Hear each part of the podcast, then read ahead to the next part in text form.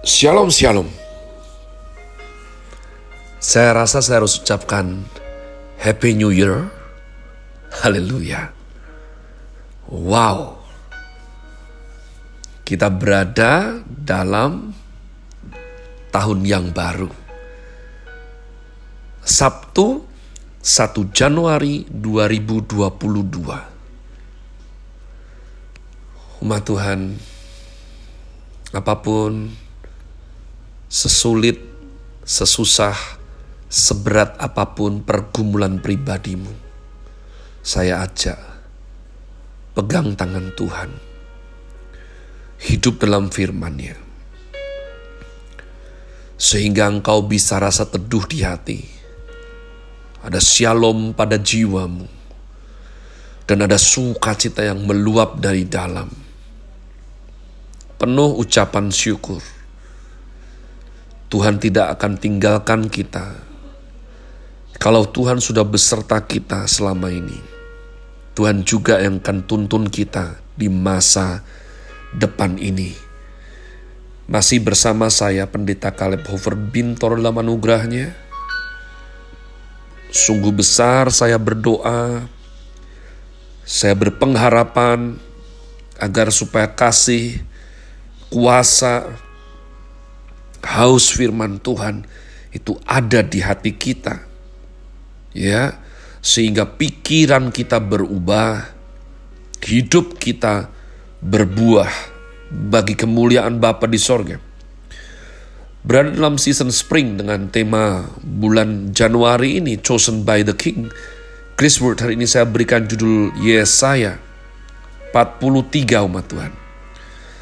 Ya, sudah berganti tahun, kita tidak berganti komitmen karena komitmen tidak berganti-ganti umat Tuhan. Dari komitmen muncul setia. Ya, komitmen dikerjakan penuh kedisiplinan. Jadi komitmen, disiplin, setia itu adalah satu keluarga untuk membentuk suatu kualitas hidup yang berkualitas. Allah adalah satu-satunya penebus. Yesaya 43. Tetapi sekarang, beginilah firman Tuhan yang menciptakan engkau, hai Yakub yang membentuk engkau, hai Israel. Janganlah takut, sebab aku telah menebus engkau. Aku telah memanggil engkau dengan namamu. Engkau ini kepunyaanku. Apabila engkau menyeberang melalui air, aku akan menyertai engkau atau melalui sungai-sungai engkau tidak akan dihanyutkan. Apabila engkau berjalan melalui api, engkau tidak akan dihanguskan. Nyala api tidak akan membakar engkau. Sebab akulah Tuhan Allahmu yang maha kudus Allah Israel, juru selamatmu. Aku menebus engkau dengan Mesir dan memberikan Ethiopia dan Sheba sebagai gantimu. Oleh karena engkau berharga di mataku dan mulia, dan aku ini mengasihi engkau, maka aku memberikan manusia sebagai gantimu dan bangsa-bangsa sebagai ganti nyawamu. Janganlah takut sebab aku ini menyertai engkau. Aku akan mendatangkan anak cucumu dari timur dan aku akan menghimpun engkau dari barat. Aku akan berkata kepada utara, berikanlah, dan kepada selatan, janganlah tahan-tahan. Bawalah anak-anakku laki-laki dari jauh, dan anak-anakku perempuan dari ujung-ujung bumi. Semua orang yang disebutkan dengan namaku, yang kuciptakan untuk kemuliaanku, yang kubentuk, dan yang juga kujadikan, Ayat 8 Israel sebagai saksi Tuhan. Biarlah orang membawa tampil bangsa yang buta sekalipun ada matanya, yang tuli sekalipun ada telinganya. Biarlah berhimpun bersama-sama segala bangsa-bangsa dan biarlah berkumpul suku-suku bangsa. Siapakah di antara mereka yang dapat memberitahukan hal-hal ini, yang dapat mengabarkan kepada kita hal-hal yang dahulu? Biarlah mereka membawa saksi-saksinya, supaya mereka nyata benar.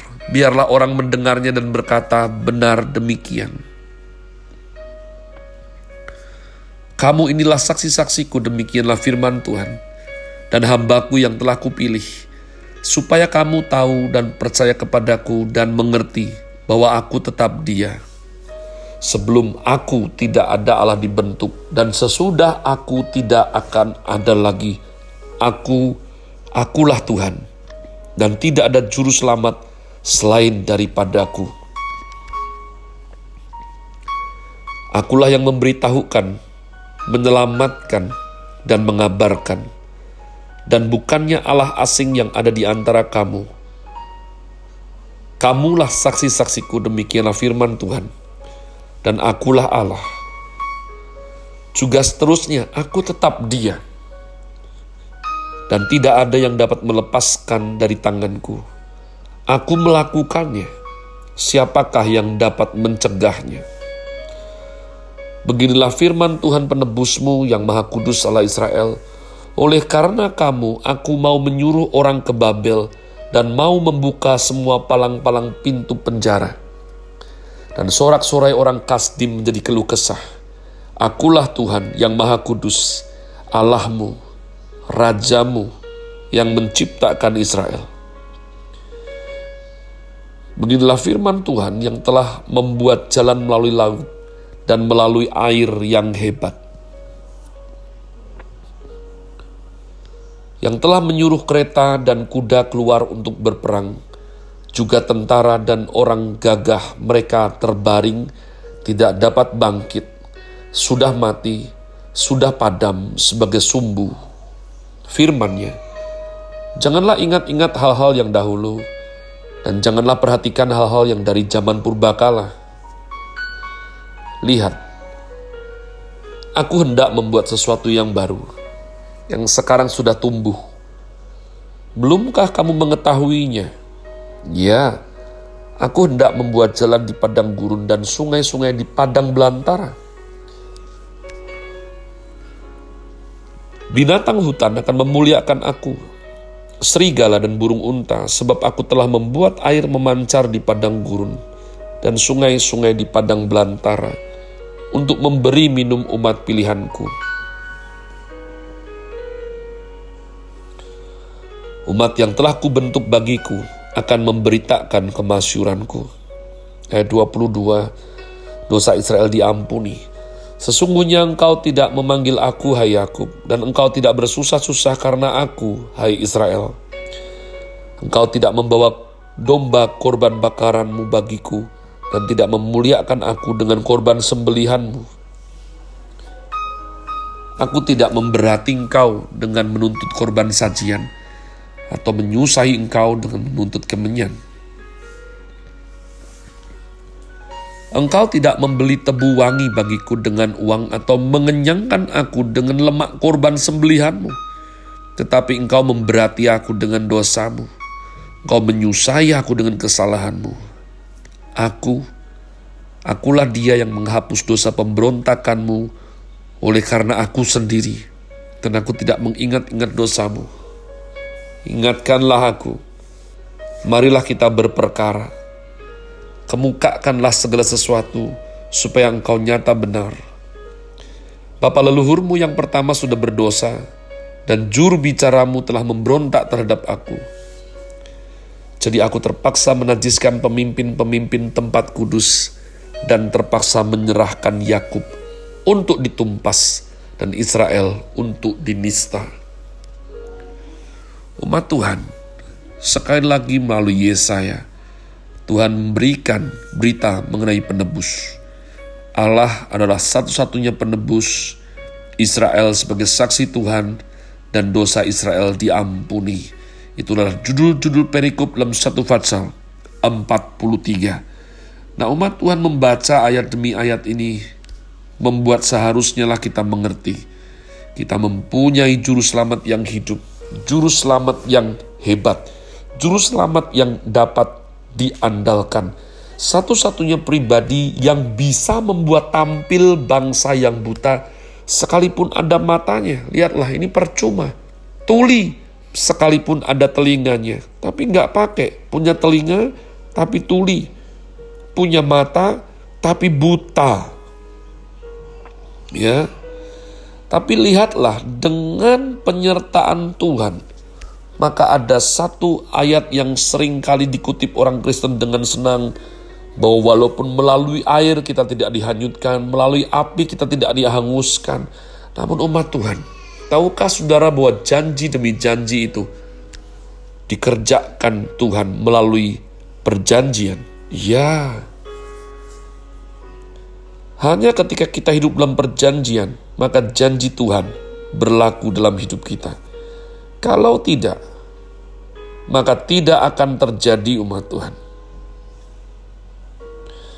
Jadi aneh sekali bagaimana orang tidak menghormati perjanjian, bahkan mungkin tidak tahu tanggung jawabnya mengenai perjanjian, namun menuntut yakni penggenapan janji atau hal-hal baik sehingga seolah-olah dirinya pantas untuk menerima semua berkat yang sudah Tuhan janjikan tanpa menghormati perjanjiannya. Mana ada yang seperti itu? Jika kepada manusia saja engkau tidak bisa bikin yang macam seperti itu, bagaimana mengira kalau kepada Tuhan Allah bisa?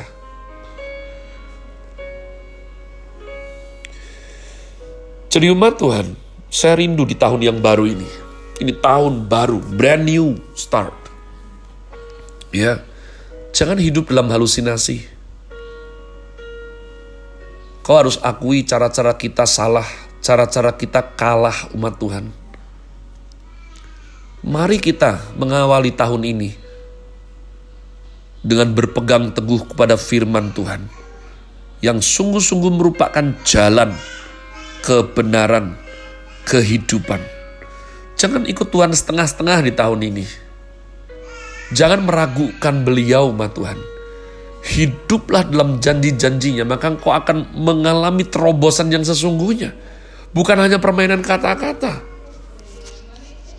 Saya sungguh berdoa supaya saudara satu tahun ini sayang Tuhan hidup sebagai seorang penyembah yang benar dalam roh dan kebenaran, dan mengalami kemurahan hati serta penggenapan janji dari firman Tuhan itu sendiri, pribadi lepas pribadi. Sekali lagi saya ucapkan Happy New Year, have a nice day, Tuhan Yesus memberkati saudara sekalian, Sola, Grazie.